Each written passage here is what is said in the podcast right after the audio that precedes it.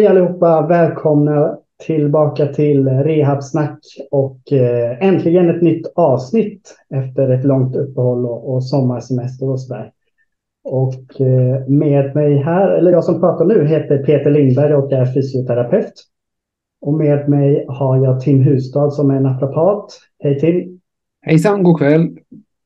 Trevligt att ha dig här. Och sen har vi också en gästpoddvärd idag. Ervin Lindén är tillbaka i podden. Hej Ervin! Hej och tack för att jag får med än en gång. Ja, det, det är så kul att ha dig här. Välkommen hit. Och eh, idag då så ska vi diskutera ett tema som vi inte har förberett oss för inför jättemycket. Men jag kan berätta att det dök upp eh, efter att eh, jag, Tim och Daniel eh, träffades på en afterwork och pratade lite om arbet, arbete och livet och sådär. Och eh, vi pratade lite om det här med eh, eh, ja, var vi befinner oss i karriären och, och vårt mindset som kliniker eh, i dagsläget. Och vi har ju tidigare i den här podden pratat om den här pendeln som vi kallar det, hur den har svingat fram och tillbaka mellan mer biomedicinska och biomekaniska perspektiv på ena sidan och på andra sidan lite mer psykosociala eller biopsykosociala hållet. Det var då eh, vi hörde sist va? Just det, exakt. Precis, och det är ju en, en spännande diskussion som kommer att fortsätta också. Och den här pendeln svingar ju dels, eh, jag tänker på ett större eh, sammanhang, men också individuellt kan det ju svänga och säkert har svängt hos oss alla tre tror jag. Eh, om man, om man tänker tillbaka på sin karriär och hur man har utvecklats som person och kliniker. Eh, så det är lite det jag tänker att vi ska prata om idag, just den här resan och utvecklingen, hur det startade och, och hur det sen har eh, förändrat sig över tid och, och, vad som har gjort att det har förändrats över tid. Så det är temat idag. Vad, vad tänker ni om det rent spontant? Jag tänker att eh, pendeln har blivit mer som en wrecking ball. Ja, hur menar du då? nej, jag bara skojar. Men eh, nej, alltså den... Eh, om man, om man eh, konstant försöker att följa pendeln så eh, verkar den kunna göra, göra skada i ens eh, eh, ja, karriär och, eh, och ens eh, ja, överskott och, och, arbetsglädje och väldigt många saker. Mm. Jag är beredd att hålla med Tim, faktiskt. Um, men jag, också, jag ser också dialogen, eller själva ämnet är ju underbart för att uh, jag tror att man behöver man kan nog inte ägna tillräckligt mycket tid till att uh, prata om det och diskutera. Det, det är ju att hålla en hållbarhet vid liv också. Att faktiskt, det spelar ingen roll om det är i en relation du har med dig själv, någon, en partner eller, eller whatever. Alltså att, att ställa sig en stund och titta tillbaka och se vad, hur, hur, är, hur är det, hur mår vi liksom. Mm. Uh, och uh, det här inevitable change som vi lever i liksom är ju eh, ibland är det svårt att hänga med och precis som du säger Tim, att, att hänga med i något som man inte ens kan påverka föränderligheten i kan ju vara väldigt, det kan vara extremt tufft. Ja, och kan jag bara skjuta in för dem som kanske undrar lite på vad vi menar med pendeln, bara mer konkret. Alltså, Konkret så menar vi då att eh, pendeln svänger mellan ytterligheter eh, i, inom forskning och eh, råd och rön inom eh, vårt yrke.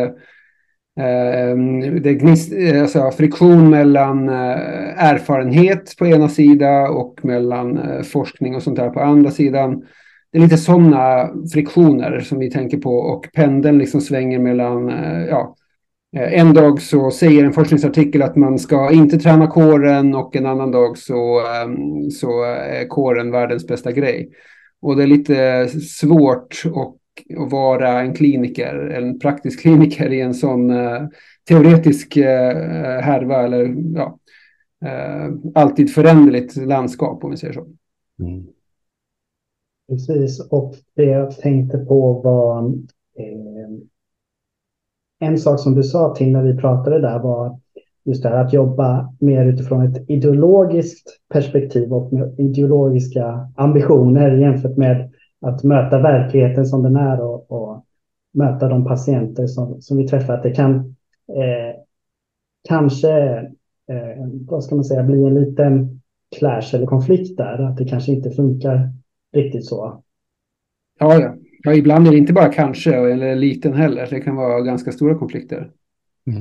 Men jag tycker att vi, det kan vi absolut dyka lite in i, för det, det skulle vara roligt att prata ut om lite grann.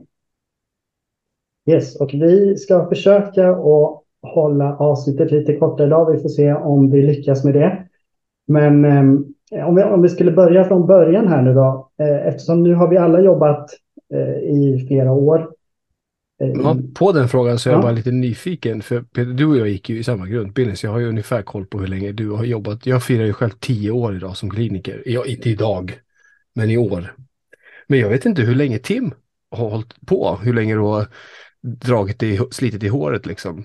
Ja, eh, ja vad, vad, om du skulle gissa, vad skulle du ta i med då? Ja, men snarlik tid måste ju vara. Ja, eh, 10 har jag också. Så vi är, är, är det sant? 13 var jag klar. Okej, okay. ja men ja. ja. Så vi sitter på 10 år vardera. Eh, det är ändå intressant. Vi ska eh, sen, eh, jag vet inte vilken legitimitet det köper oss. Eh, eller trovärdighet, vad ska man säga. Ja, vi är inte kronviktare, men vi är medelvikt. Absolut. Sen kan jag tycka så här, tid är en sak. Tid i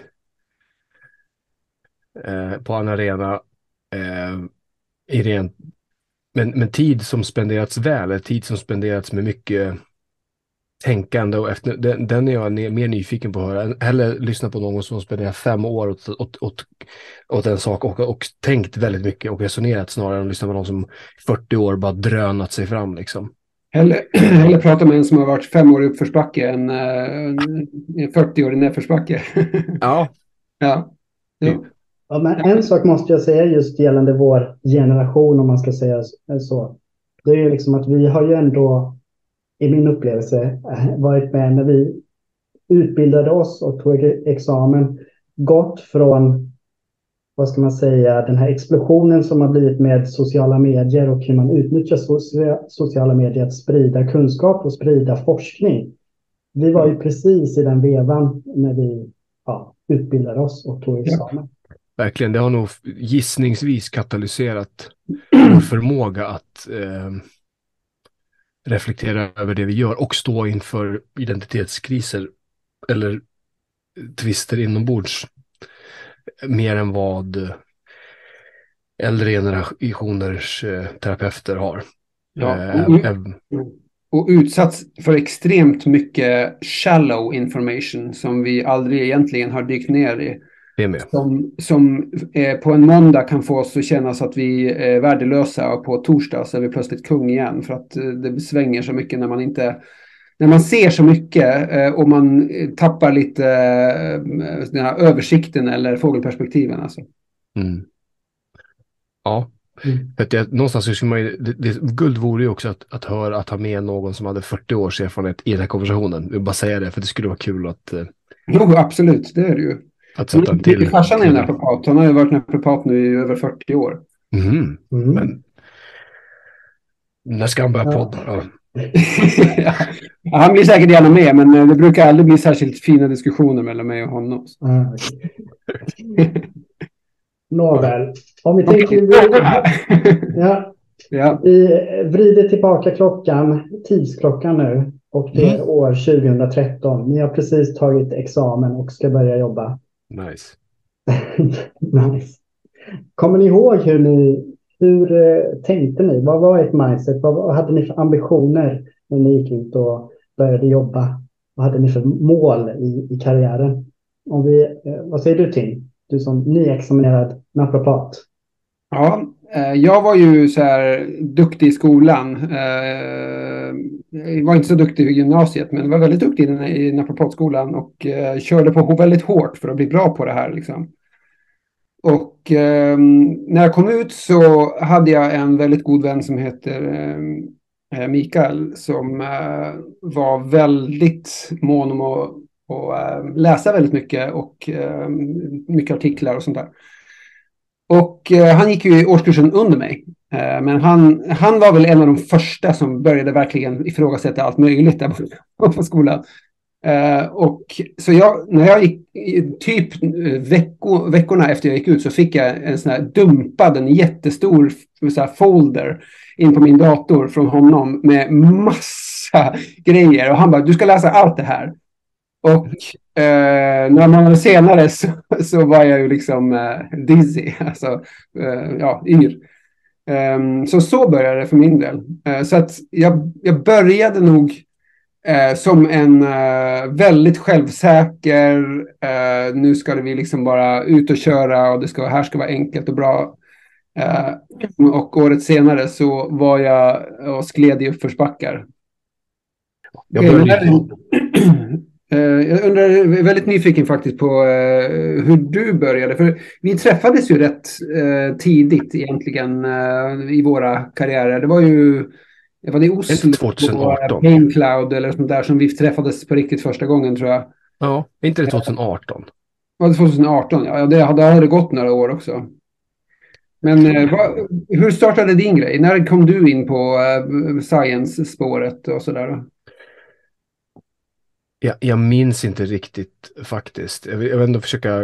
Eh, jag vill inte sno frågan eller svaret från dig Tim, eller för jag tänker, det, det, urfrågan kommer ju eh, från Peter, det här liksom, vad, vad var vår första grej där? Mm. Hur vi startade för 13 år sedan. Men jag kommer ihåg, jag, först, jag ville bara in i primärvården. Det tog mig ett år att komma in i primärvården i alla fall. Mm. Um, och uh, då började jag ju. Jag hade ju ingen, ingen riktig tanke. Alltså det jag hade då var McGills low back pain evidence and någonting. Alltså det var det. Det var low back disorder, så här har jag den framför mig. Mm. Det var det jag läste, det var, det var, det var the science. Mm. Man löste ländryggsproblem enligt Stuart McGill. Mm. Den där boken hade nog några år på sig, men då var det ju verkligen biomekaniken och jag fick lära mig, jag kommer ihåg lära mig ordet creep, creep the creep. Mm. Alltså så här, sju, jag var sju krafter och det var mycket sånt och jag, ja, så här, jag, jag var helt ute och snurrade men jag minns i alla fall att var, jag hade väldigt, väldigt mycket kött och benklumpen i fokus. Mm. Det var så jag började. Mm. Men har du släppt allt det där? Eller eh, hur, hur lever det i dig? För du måste ju ha det säkert trott på det en gång eh, och kanske tror på det lite fortfarande. Var, var, hur, eh, liksom, var sitter du idag med tanke på hur du började? Absolut. Alltså jag är ju... Eh, jag älskar ju biologi. Alltså jag satt ju när vi, när vi började. Jag har ju gjort mycket konstiga saker, men jag har ju dissekerat väldigt mycket. Jag har ju... Mm. Eh, och liksom varit inne och grottat, nu förvisso döda kroppar, men eh, och verkligen tagit lite till sin spets det här med att förstå sig på kött och benklumparna plus läsande. Det är klart det är med mig för att det är så här, eh, men, men då, det enda som var då, minns jag, jag visste ju ingenting om eh, eh, och hade ingen kunskap om att det fanns ett, eh, ett system som var överordnat de här kött och benklumparna. Så mm. kan man väl säga överordnat än, ja, jag, jo, jag skulle nog vilja uttrycka mig så ändå. För att jag mm. menar, annars är det ju döda vävnader liksom. Om du inte har ett nerv och immunförsvar som är liksom in, in i de här grejerna så, så är det ju inte mycket kvar. Liksom. Då är det som en köttklump på disken. Liksom. Så jag visste ingenting om det. Eh, och eh, jag minns inte hur jag fick upp ögonen för det. Eh, de första fem åren. Men jag, jag tänker, Peter har en jättebra ord, ordningsfulla frågor där, så jag ska inte gå händelserna i förväg. Men, men så började det i alla fall. Jag mm. hade liksom, det var ju verkligen, jag minns, jag satt och gjorde knämobiliseringar. Um, jag minns särskilt en dam som hade knäartros, det var liksom klart, hon hade svårt att gå och jag satte henne på britsen, jag höjde upp henne så att jag kunde sätta fast en sån här grej kring hennes ankel så jag kunde trycka ner lätt med foten, lite så här gas så att det blev en traktion i hennes knäled. Och då kunde jag göra massa grejer som jag hade lärt mig att så det här avlastar knäleden och det var, det var verkligen så här, jag är i hennes knäled, jag fixar den här nu. Det var liksom, där var jag. Mm. Jag startade. Ja, det är det också.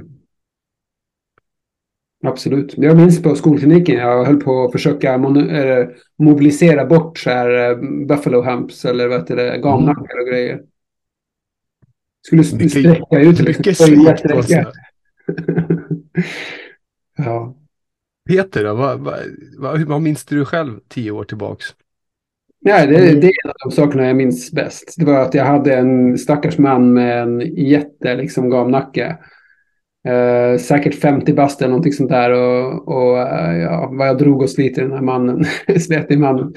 Men eh, ja, eh, jag tror inte han fick någon mindre gamnacke. Men eh, eh, mådde säkert bättre. Jag vet inte, jag minns inte det. Men ja, jag gör inte sånt nu längre, inte det i alla fall. Men jag står och river och sliter i folk, men inte för att ta bort galnackar i alla fall.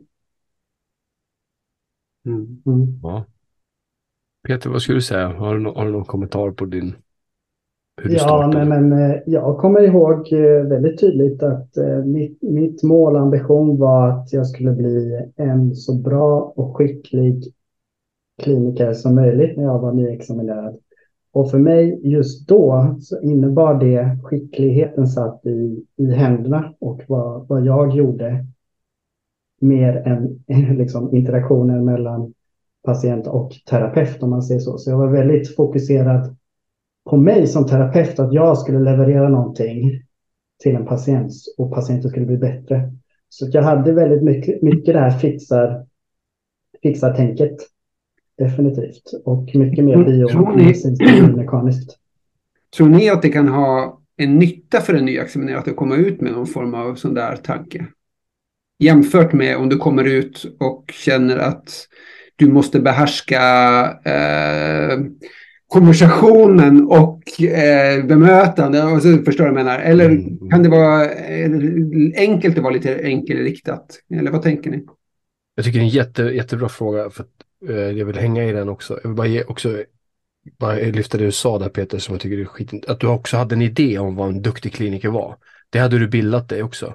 Så mm. det är klart att man hade någon, för det, det tror jag också är som en start på, på frågan som du nämnde, Tim, hur, hur det är att starta som student. Du vill ju ha en idol, det är klart du vill ha någon form av role model liksom. Och mm. vart hämtar du den? Alltså det är ju såklart det kommer vara olika från individ till individ liksom.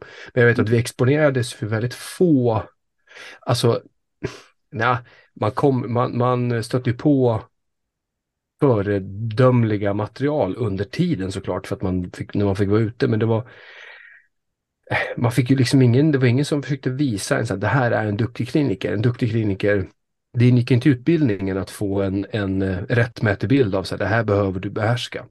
Mm. För att vara en duktig kliniker. Det fick man liksom, man fick folk man tyckte var fräna och verkade soft med folk. Eller göra, få till grymma resultat. Det blev ju något sånt. Um, nu får jag sätta på pottan lite snabbt bara. Uh, och ni får bara säga, ni får bara svara två saker. Uh, vem har varit era, era största så här, idoler? inom yrkeslivet såklart. Ja, jag skulle nog säga... Nu eller då? Ja, om du kan få se på det i fågelperspektiv då. Nu, ja, nu eller då. Men eh, är det någon av dem du hade då som är nu? Det behöver inte vara första skoldagen eller första dagen du var klar. Men jag menar från säg, början av karriären till nu. Ja, men alltså några väldigt inflytelserika inrikespersoner är ju så här. Ragnar Faley är ju en eh, OMT liksom mästare. Jag hade också eh, Björn Asa som också är många känner till inom fysio fysiovärlden. Mm. Men så kommer jag också Mia Westin som hade där. O, Björn och Ragnar är OMT killar och sen Mia Westin som är med i hon är idrottsmedicinare, men, men det, de här, det här är personer som har haft ett väldigt stort intryck på mig i alla fall. Eh, mm. Mer, inte i vad de tillhör för tillhörighet, utan mer hur de har eh, tagit hand om människor när jag har fått vara med och se. Och det, det har varit jävligt häftigt mm. eh, på olika sätt. Mm. Peter? Ja, jag skulle jag kommer på flera namn här och då tänker jag på folk som har haft eh, någon typ av inverkan på, på mig och inspirerat mig. Och då jag skulle också säga Ragnar Farley eh, när jag gick OMT eh, som en person och sen Tobias Kroner som eh, håller i McKenzie-kurserna. Mm. Och sen Lorimer Mosley eh, som liksom gjorde att jag fick upp ögonen för det här med pain science och explain pain. Peter O'Sullivan också. Eh, Greg Lehman som är så himla duktig på att vara en kritisk tänkare men också väldigt bra pedagogiskt lagd, lagd och ja. få det att låta väldigt pragmatiskt på något sätt, få ner det yep. från teori till praktik. Eh, så det är bara några eh, on top of my head som jag kommer på som har haft stort inflytande på, på mig genom åren. Liksom. Mm. Eh, Giorgio Grossi måste jag nämna också eftersom att eh, jag kommer ihåg hans föreläsningar och det var verkligen det här psykosociala perspektivet som, som kom in i, i den vevan. Mm. Eh, men det finns många andra som jag inte kommer på just nu. Mm. Ingen nämnd, ingen glöm. Nej, exakt. Tim, vad skulle du säga? Ja, alltså om, eh, om jag inte hade liksom spårat ur, höll på att säga, lite i början på karriären så hade jag säkert också nämnt lite lärare och sånt där. Jag tror nog att eh, det jag skulle, de skulle landa i, för att göra det här kort, eh, eh Louis Gifford och Greg Lehman tror jag, som jag bara har eh, hämtat mest ifrån, både praktiskt och teoretiskt. Ja.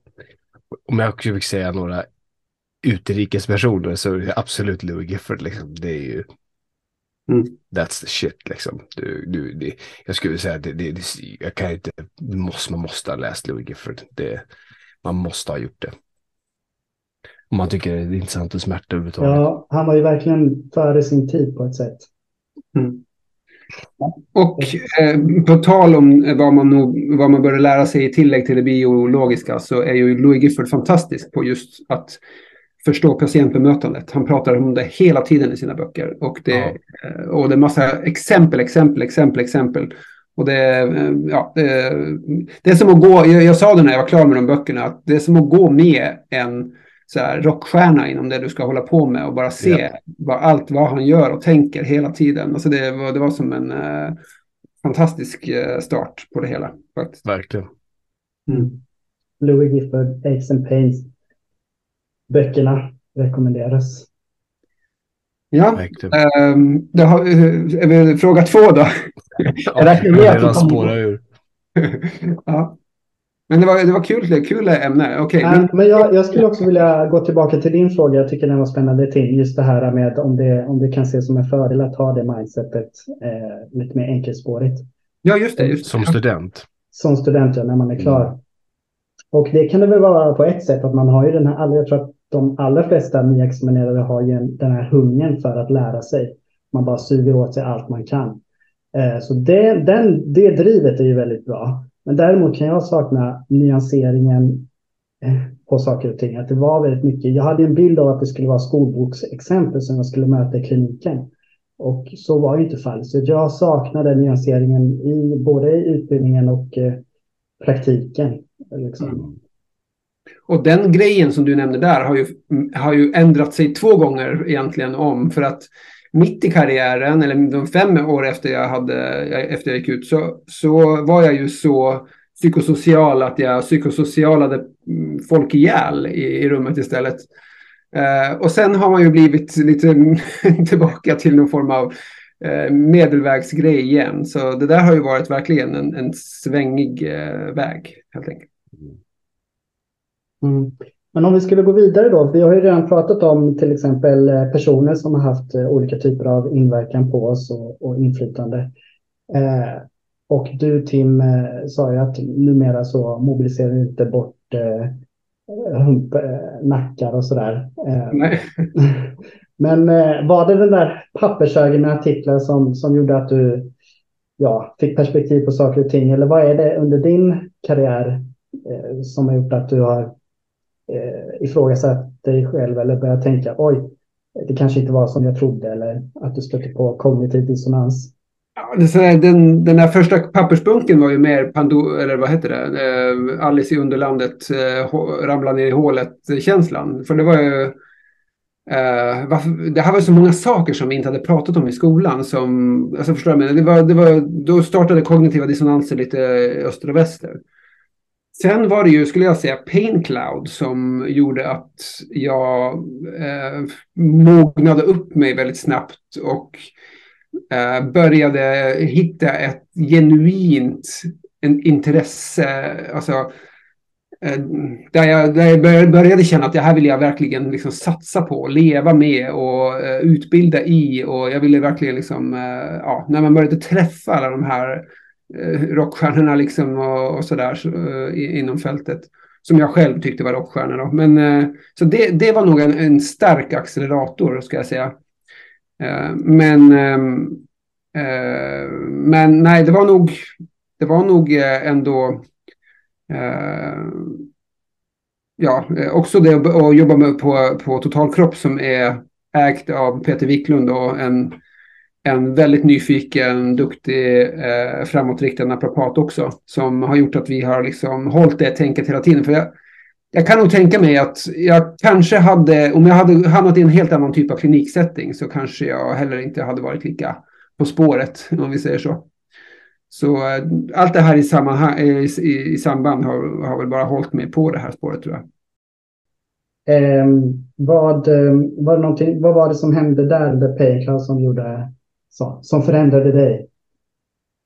Ehm, ja, ehm, så eh, kort igen då. Ehm, Olle Morten kände mig via min sida på Facebook som heter Apply Science. Jag lägger ut massa grejer där och eh, det fick massa följare. Och så frågade han mig om jag ville vara med eh, och hålla i det helt enkelt. Och, stå på scenen och introducera. Jag tänkte varför inte?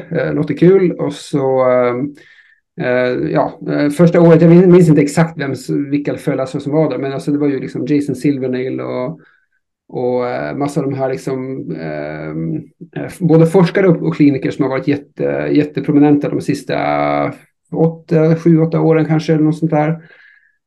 Och helt ideologisk grej.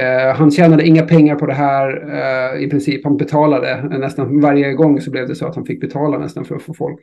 Så.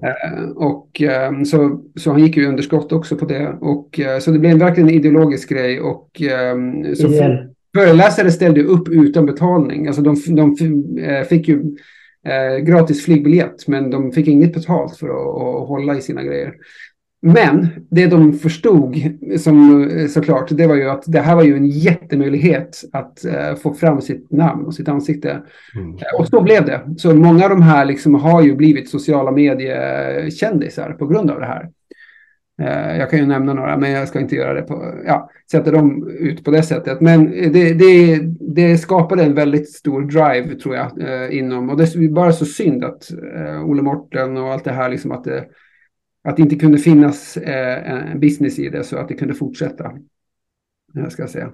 Mm. Han blev kanske också drabbad av pendeln som svingade som en uh, wrecking ball. Ja, det var väl egentligen precis exakt det som hände. Så han, han skulle vi ha haft här på show idag. Han har säkert mycket att berätta. Det, det, roliga är ju, alltså, vi ska inte hamna för länge i paincloud, men alltså det, jag är ju också intertwined i den här storyn, för att Paincloud Convention var en stor grej för mig. Det var en, en, en absolut turning point. Och det är lite intressant att höra dig till, från din sida berätta om det här, för att det gör att jag har ett annat perspektiv på vilken e- otrolig upplevelse jag fick vara med om. Eh. Jag kände en samhållighet som var fantastisk. Det, var liksom, eh, det startade en, en rörelse och det var det som är viktigt tror jag. Ja. Mm. Men mer konkret då, för att eh, lyssnarna och jag ska förstå lite vad det var under den här kongressen, under den här händelsen. Var det bara att eh, höra andras perspektiv som ni kunde relatera till eller var det något mer konkret i vad eh, föreläsningarna, föredragen innehöll? Eller vad var det som liksom hjälpte till er att, eh, ja? Alltså jag pratade ju om alla massa, massa grejer som hade kommit fram eller förelä blivit föreläst. Det, det skapade ju min eh, uppfattning om saker eh, väldigt mycket. Eh, och det gjorde ju, för det var ju, det var ju den främsta, främsta forskningen liksom, som kom i den här så mycket av det här var ju till och med relativt tidigt ute och sådär. Så man vet och från världen över också. Det var ju så här, vi, ja men USA, det kom ju liksom, det, det, det kom ju från alla håll och kanter. Det, det var jävligt, eh, det var ja. inte liksom, ja. Ja, och, och de som såklart tar sig resan för att komma hit, inte föreläsarna men de andra gästerna, som tar sig resan och kommer på andra sidan jorden för en, för en sån här grej, det är ju folk som är otroligt spännande ofta att träffa, för de har ju också väldigt starkt intresse och kanske bakgrund och grejer och sånt där. Så det, det blev, en, det blev en happening inom pain science-fältet, om vi får säga så. Som blev en sociala medier-happening. Eh, mm. Mm. Jag kan eh, dra lite från min sida bara också eftersom det här är, det, alltså det var en turning point och en stor förändring, viktig eh, för mig också. Jag, jag åkte dit med, med Adrian som inte har varit med i podden, nej. Men, eh, ja, min kompis Adrian som på ett annat sätt är väldigt värd att nämna. Vi hade precis startat vår intressegrej med, med Talking about Pain och så åkte vi till Pain Cloud Convention i, i, i Oslo. Och Tim skulle Eh, Eh, monitorera eller du, du, vad heter det, ja, presentera alltihop liksom. Första gången vi träffade dig. Och så fick vi ta del av alla de här otroliga, det var liksom Derek Griffin, det var Tasha Stanton, det var Jason Silvernail, Chattan Fersum, Sigurd Mikkelsen, Todd Hargrove, det här är massa namn. Och jag blev bara blown away över allt det här och jag och Adrian fick sitta och, fick första, först och främst fick vi sitta och ta en bärs med Tim och så lärde vi känna varandra och förstå att vi har massa filosofi gemensamt och banor och så vidare. Och det var skitkul. Och sen så man lyssnar på alla de här föreläsarna som kom med varsitt universum av information. Eh, som bara sprängde. Och, och sen sitta och bärsa med dem efteråt. Ja, och, och chatta hela kvällen efteråt. Det var jäkla kul. Alltså. Ja, det var otroligt. Och just den här gemenskapen och känslan av att alla um, alla hade en sån passionerat intresse för eh, samma svåra ämne. Och det blev en sån, jag, jag, minns när jag kom dit så var jag också väldigt, eh, jag var väldigt dränerad. Eh, jag kände mig väldigt eh, slutkörd på många plan liksom i, i, i klinik och eh, ehm, vad det här empathy fatigue som man säger, eller terapeutiska fatin var liksom maximerad. Jag, jag, tyckte det var, det var jobbigt liksom. Jag kommer ihåg jag åkte därifrån och kände mig som en helt ny människa. Det var helt otroligt. Mm. Um, och precis som du Tim nämnde här, man fick sitta också och prata med människorna som de hade många fler år på nacken och de har varit med i gamet och, och, och just att känna att den här kraften fanns i, i, en, in, i en, en vilja att förändra eh, eh baserat på att vi, det finns mycket mer kunskap tillgänglig än vad man visste om och människor som också står bakom den. Det var, det var jävligt fett i alla fall. Ja, och, och, och det att det var så fett har säkert drivit våra pendlar lite hårt åt pain science-hållet en period ja. i våra karriärer.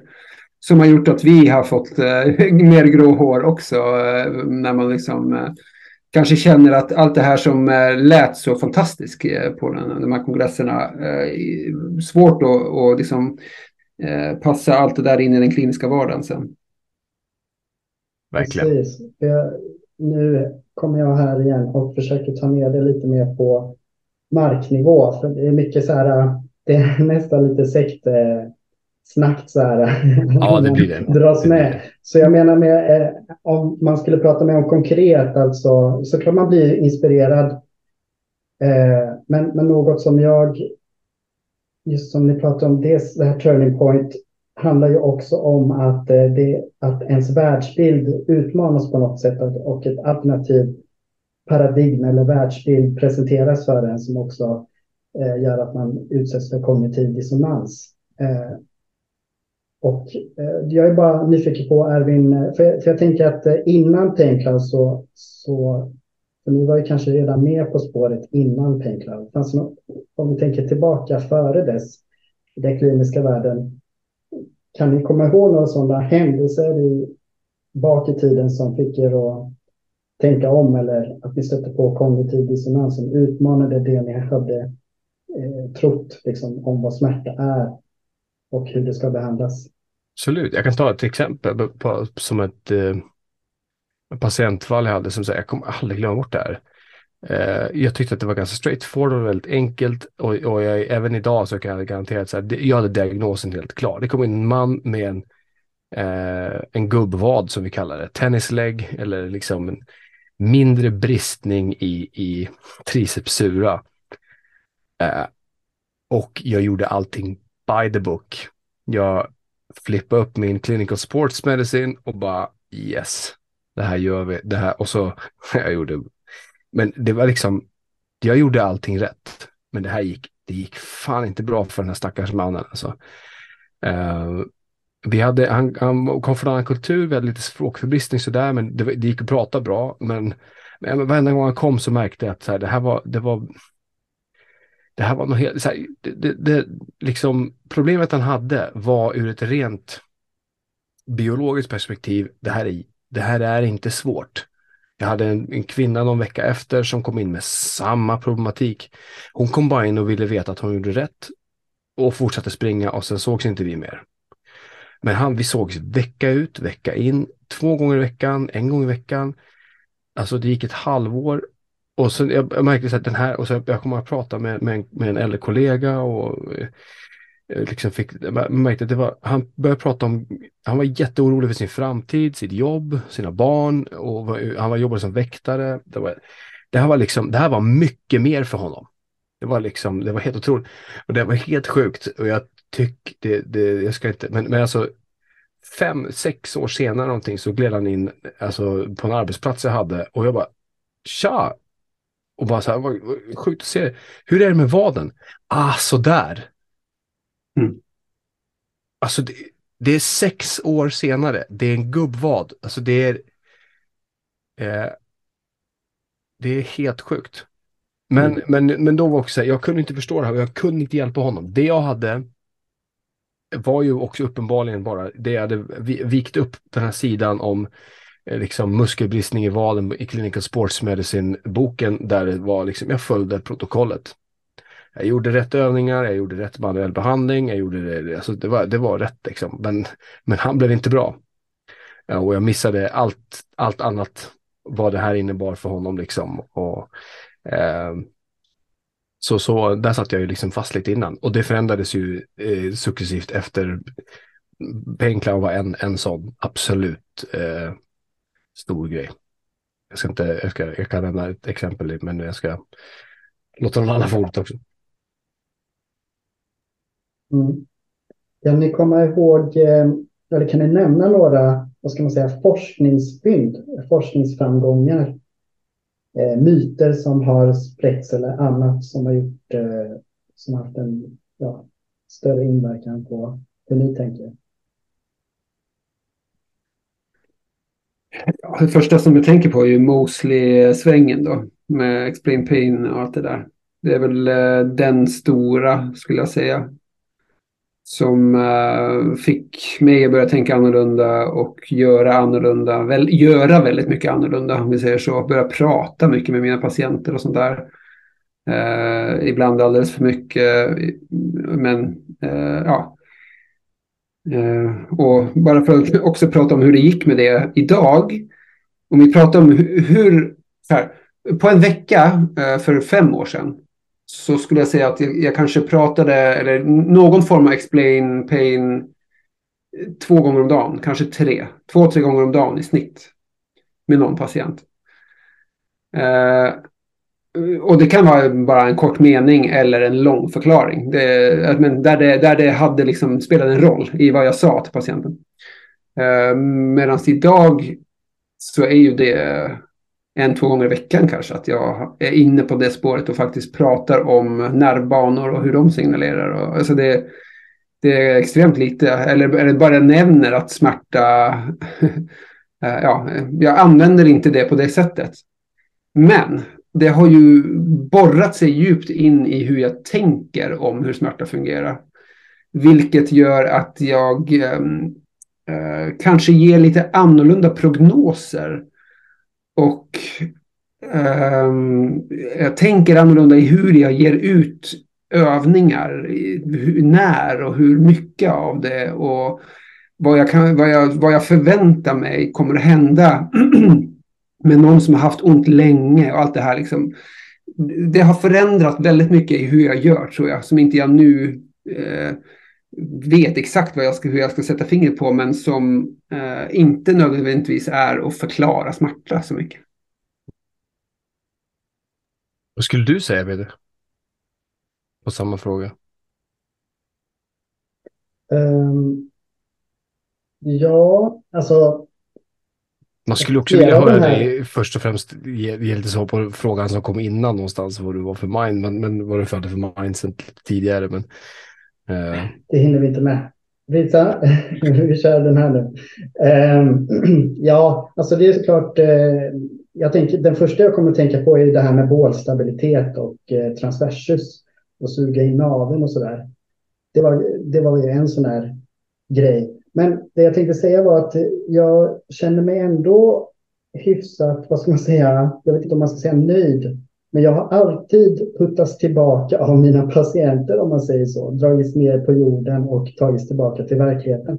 Så alltid när jag har dragit iväg åt något håll eller provat någon, någon ny behandlingsmetod eller teori eller så där, eh, så har jag alltid eh, bemötts av den, den verklighet som vi är, att det är inte så enkelt eh, som att man bara applicerar en ny kunskap i praktiken. Eh, utan det kommer alltid tillbaka till att vi måste möta patienter som vi har framför oss och försöka anpassa oss efter just den personens eh, sitt problem och behov.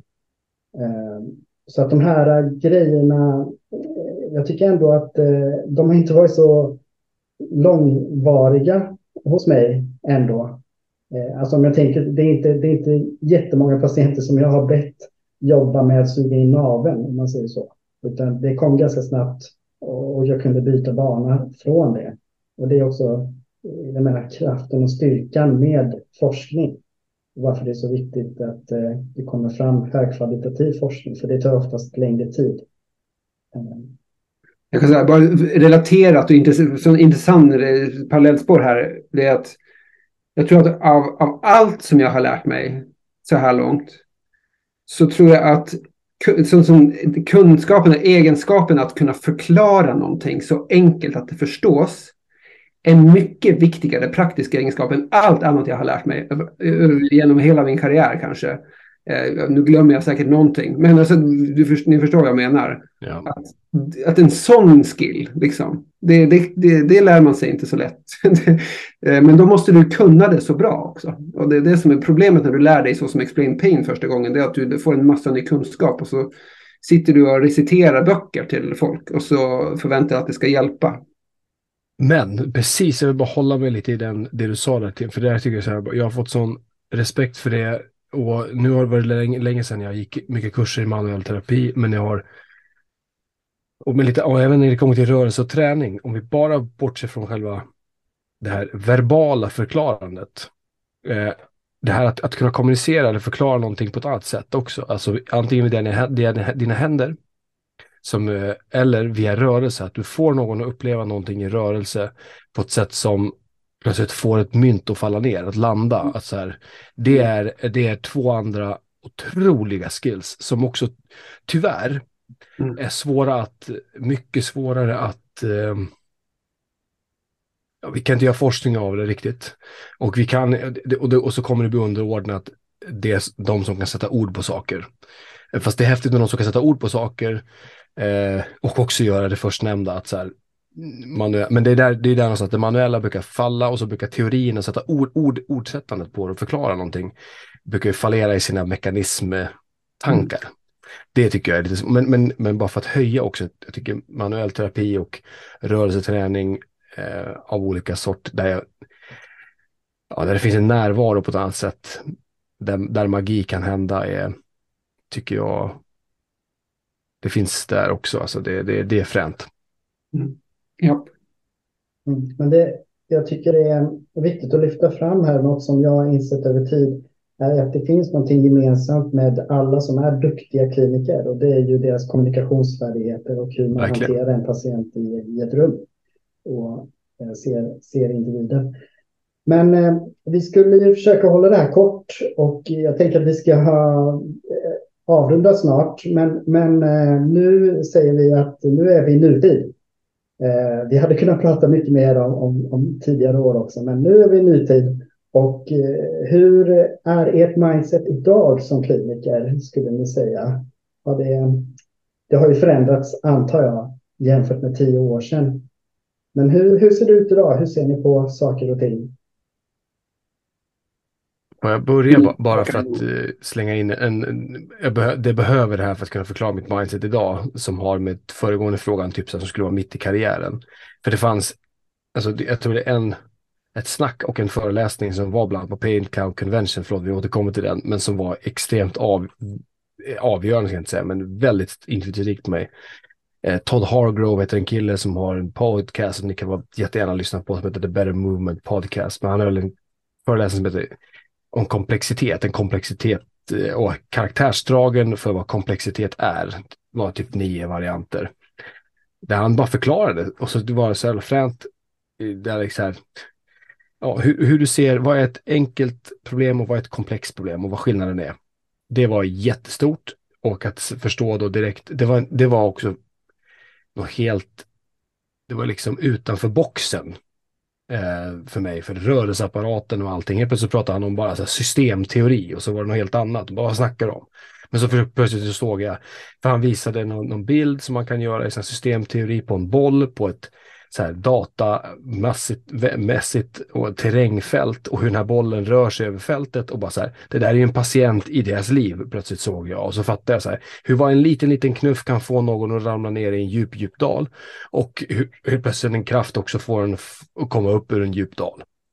Mm. Så det var jävligt viktigt och jag bara så här, oh shit, det här är ju, ja, komplexitet, människor och livet är komplext. Eh, och så pratade bland annat Sigrid Mikkelsen och Kjartan Fersem om att gå från att vara byggare Bob till eh, någon form av coachvariant, eller hur man går från the fixer to operator mindset. Det var viktiga, viktiga bitar som jag kommer ihåg eh, har bidragit till det mindset jag har idag, där, som är någon form av mittemellan där.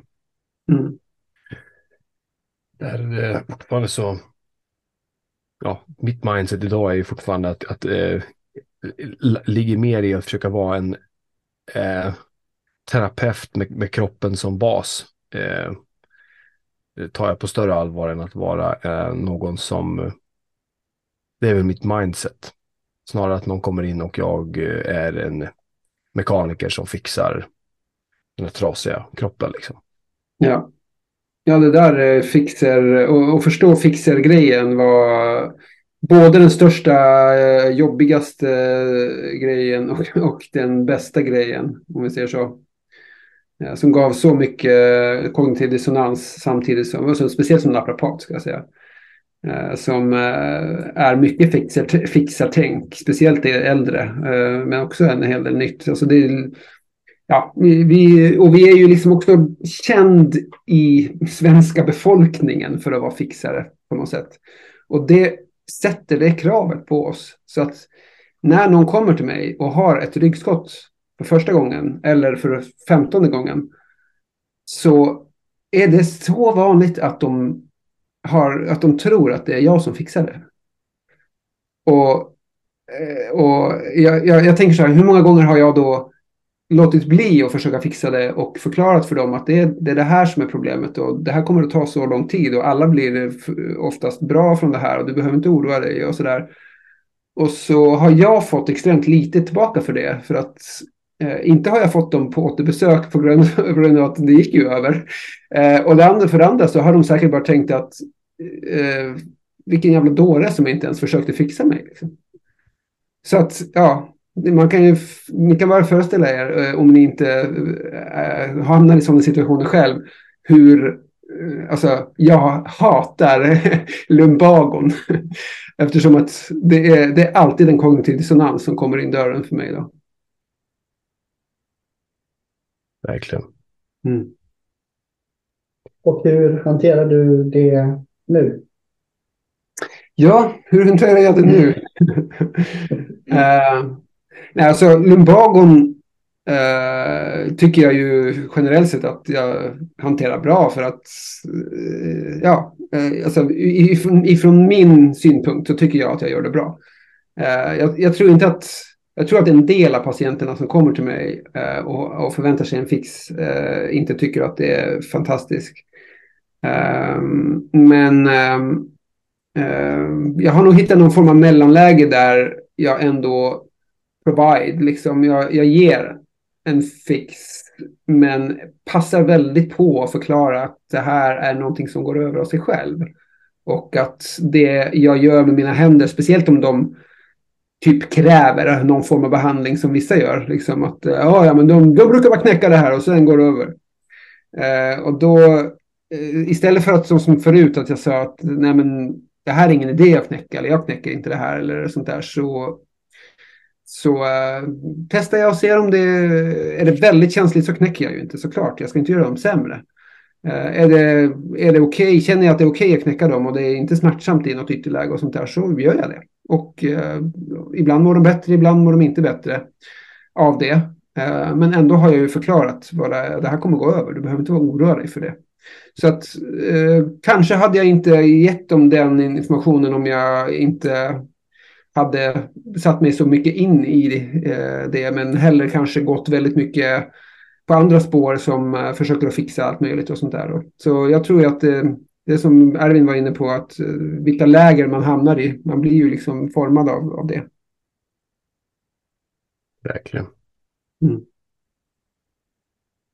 Har du någon bra tillägg i det här Peter? Jag är bara nyfiken på din egen svar, ditt eget svar på den här eh, frågan. Ja, nej men absolut. Jag har ju gungat som in i helvete kan man säga fram och tillbaka i den här jävla pendeln.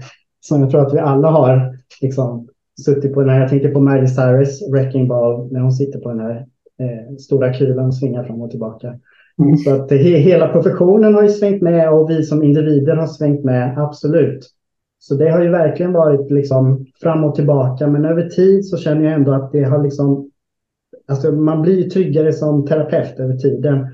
Och jag tycker man landar mer och mer. Man accepterar mer och mer. Man släpper mer och mer på det här att jag måste fixa någon. Det här Jesuskomplexet att man kan inte hjälpa alla. Man lär sig liksom veta när, hur man ska fördela sina resurser och fördela sin egen energi. Alltså det som Tim var inne på att eh, man väljer sina strider, man väljer när man kan gå in, man väljer kanske så ett frö, man bemöter patienter halvvägs. Det måste man göra ibland för att bygga en terapeutisk allians. Och det vet vi allihopa hur, hur jäkla viktigt det är med en terapeutisk allians. Har du inte den så blir det inte bra. Mm. Ja, Ja, Wrecking Ball. Jag tänker, eh, kan inte du göra en meme med, med Miley Cyrus på Wrecking Ball eh, och någon form av uh, koppling till uh, Pain Science-gänget? det vore väldigt roligt. Men för jag vill också peta in en grej som jag inte var medveten om de kanske första fem åren och förmodligen inte, det är nog de närmsta, närmsta fem åren som jag har fått liksom ta del av det. Och när man har lyst, kunnat också följa mer kliniker på världsarenan och forskare liksom. Eh, som är ett perspektiv, det är också vad, vad det är för andra krafter som påverkar oss i vad vi tror och vad vi måste göra. Det är alltså vad vi har för klinisk eh, kultur, vad vi har för yrkeskultur, alltså allt, dels från naprapat, fysioterapeut, vart du hamnar, privat vård, offentlig vård, um, och också så, sen är det andra kulturer också som spelar roll, som är bara en generell prestationskultur. Eh, och att vi ska tjäna pengar. Alltså, ni förstår vad jag menar. Och det här, jag tycker det har varit väldigt friskt att också få ta del av hur andra människor världen över eh, har valt att ändå sätta sig upp mot det här och ändå säga så här, det är inte okej okay att, att jag ska ha så här 20 minutes consult med personer som har svåra problem liksom. Det, mm. det, är inte, det är inte rättvist mot mig, det är inte rättvist mot personen som kommer in och har eh, svåra problem som inte eh, det är liksom, de mår inte bra av att få eh, att jag väljer att lägga dem på bänken när så här, det här, de här 20 minuterna är viktigast. Jag minns att en personlig tränarkollega som han sa en skitbra grej eh, och utifrån från hans grej om du har en kund som bara vill betala för att komma en gång i veckan, vad ska du spendera den timmen på som den här människan vill göra? Ja, ni ska fan inte gå ut i gymmet i alla fall. Om de vill ha dem resurser. För de vill ju uppenbarligen bli, gå ner i vikt, bli starkare och snyggare. De kommer inte göra det på den här viset. Då sitter ni och planerar tillsammans. Det är det ni gör. Mm. Eh, och då jobbar han liksom ändå på Sats och det är liksom, ja hur ska du tjäna pengar på den här kunden? Ja, du gör inte det, men, eh, men han hade nog så här, perspektivet var ju ändå rätt. Helt mm. rätt. Ja. Eh, och, och, att försöka få in det. Sen är det ju så här, vi, vi är ju tyngda av eh, där vi hamnar liksom. Det, de här förutsättningarna har vi att jobba ut efter. Och eh, sen kan man ju också ha olika förutsättningar inombords som man jobbar efter, det vill säga vad man tror att man måste göra eller vad man tror att ja, att ta hand om människor innebär mm. utifrån ens utbildning och så. Men eh, jag, tycker, jag tycker det är viktigt att, att, att man fått höra de grejerna också. Eh, och, och, försöka hitta sin väg liksom. Um, forskningen spelar in, det är det som är det jobbiga. Liksom, man fick ta del mycket mer av forskningen så visar det sig att här, forskningen säger ju att 20 minuter räcker inte för väldigt många att göra liksom. Uh, det, det, är liksom, det är lite elakt på något vis. Mm. Ja, men jag tänkte bara på en sak um, som kanske kan vara roligt för lyssnarna uh, eftersom vi har det här temat idag. Uh, har ni någon form av eh, golden nugget som ni har plockat upp någonstans eller som ni kanske själv har erf erfart genom eh, alla tio år då som vi har jobbat? Är det någon nugget som eh, ni skulle ge till till exempel en, en nyutbildad som går med er på kliniken eller någonting sånt där? Är det någonting ni kan komma på som ni har stött på? Ja, skulle, det finns ju många såklart. Vi har redan nämnt Lou Gifford och hans böcker som är, är så himla bra. Men, ja, för, min del... men du säger Golden Nugget, vad menar du lite mer specifikt? Är det bara... Ja, en insikt kanske då. Eh, ja. är väl mer roligt att kanske prata om. Eh, för man kan ju prata om nuggets kan vara vad som helst. Men säg en insikt då. En insikt ni har fått som ni skulle dela. Vad skulle vara den första insikten ni delade? Som, som skulle ge någon form av praktisk, alltså hjälpa den här personen och börja jobba med det i det här yrket? Oj, nu blir det, det blev en stor fråga. Jag, jag tar det första jag kommer att tänka på här. Alltså en insikt för mig, det, det var att eh, vi jobbar med människor och eh, då jobbar vi direkt eller indirekt med människors beteenden. Eh, och eh, kan vi inte förstå det och kan vi inte jobba med det så blir det svårt att eh, få folk att förändra sig. Eh, så att, alltså, även om du inte tänker på det eller även om du inte tycker det är intressant så jobbar du med mänskligt beteende och de allra flesta människor som söker hjälp behöver ofta göra någon typ av förändring. Det behöver inte vara rent eh, liksom att man behöver förändra hela sitt liv, men det kan vara att man behöver förändra sitt synsätt på smärta till exempel, eller, eller vad man tror och tänker om varför man har ont och vad man behöver göra och så där. Så ofta mm. behöver man göra någon typ av förändring och kan man förstå eh, mänskligt beteende bättre eh, så kommer det hjälpa dig som eh, terapeut och eh, således också patientarbetet, tror jag. Så har det varit mm. för mig i alla fall. Mm. Jag kan ta en också, eh, för det var därför jag frågade, för jag kom på en sån. Ja. Eh, men Um, Eh, för att, det, det, som jag märker har förenklat mitt kliniska eh, tillvägagångssätt. Eh, med, speciellt med komplexare patienter då. Eller vi ska inte säga komplex för då tänker alla att det är så här tio års kronisk smärta och så vidare. Men eh, där man behöver göra något mer än bara, det är inte ens bara en muskelsträckning. Nu pratar vi om någon som har haft eh, återkommande ont i nacken eh, i månader eller år eller i alla fall någon form av mer, liksom, här måste vi börja ta tag i någonting. Det är att jag, bör, jag börjar med en gång eh, i bakhuvudet leta efter vad, vilken dominobricka här och nu kan jag knuffa över som leder till, till många förbättringar. Vad är det första? För, för jag, vi började ju köra sådana här screeningformulär vet du, med, med 12 olika faktorer och biopsykosocialt och bla bla. Och det jag fick ut av det, det var att jag kunde få en överblick, en sorts liksom Okej, okay, här sticker det ut på sömnen och stressen och de, eh, ja, eh, det kan vara olika saker. Men jag började alltid i samma förtvivlan. Vad gör jag? Hur ska jag påverka det här? Och ska jag sitta och prata om det i 40 minuter så kommer de vara missnöjda och bla bla.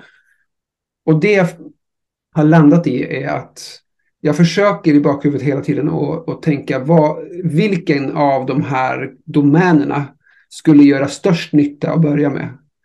Vilken skulle kunna påverka flera saker? Och så ta tag i det hårt, stenhårt från början. Det tror jag har uh, varit en praktisk sån här liksom, grej som gör att jag behärskar komplexiteten bättre. Mm. Istället för att tänka att oj, ja, nu ska vi göra ett, ett schema för fem olika förändringar. Eh, ja, för en förändring kan vara en jättestor grej. Mm. Och eh, det som, som Peter är inne på här, så det är beteendeförändringar. Och kan du hitta rätt grej som påverkar flera grejer så tror jag du, är, ja, du har en bra start. Absolut. Håller med. Har du kommit Verkligen. på något nu Erwin under tiden här? Nej, men det måste, det måste ju vara konvex konkav-regeln ändå. för lederna. För jag menar, det är simpel fysik liksom. Vet, kan du den verkligen så, så löser det sig. Det, det är så det är. Ja, och det är inte det svårast. Nej, jag kommer faktiskt inte på något jättebra. Det, det är fan svårt alltså. Eh, och förlåt, konvex konkav-regeln ska vi inte göra åtlöja av. Eh, men eh, um, jag, har, jag skulle önska att man hade något så evidensbaserat, någonting som så här, man kan säga att eh, eh, det här är också förankrat i forskning, så det, blir, det handlar ju bara om så här, min egen, så här, ah, det här tycker jag är nice, liksom, grej. Så jag vet inte hur jävla bra det är. Eh, jag kan ha fel. Jag kan ha fel flera gånger. Det är en ganska bra insikt. Ja, verkligen. Mm. Um, hur, hur mycket man än ja, lär sig så kan man alltid ha fel. Och det är jobbigt. Men ja. så är det ju. Mm. Jag, jag, jag, vet inte, jag, jag,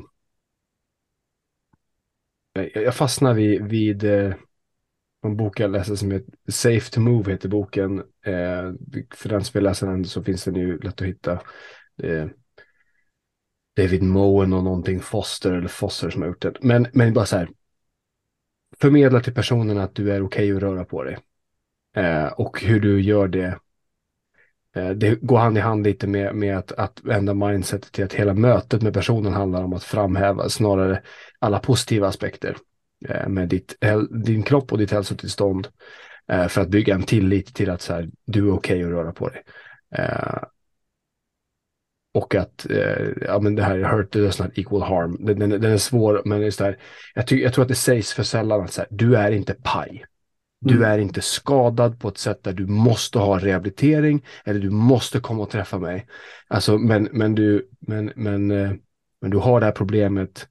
Du är okej okay att röra på dig och du har liksom du, du är känslig i det här området. Det, och att kunna förmedla det på ett sätt som så här, eh, det är svårt fortfarande, men att uh, whatever means necessary, uh, det tror jag man vinner mycket på. You are not broken, you are just stuck. Ja, ja men visst. Det ja. brukar jag ofta säga. Det brukar landa fint hos många. Mm. Ja, fint sagt. Hörni, vi måste avsluta nu.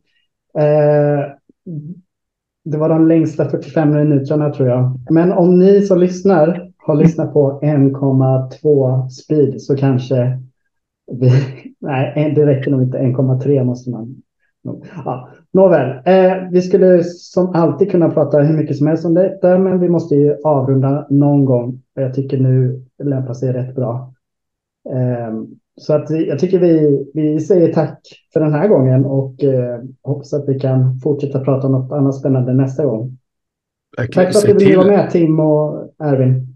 Ja, tack själv. Och säg till ni som lyssnar om ni vill höra mer av det här till eh, åtminstone Peter eller Rehabsnack för att pratar vi mer om det. Absolut.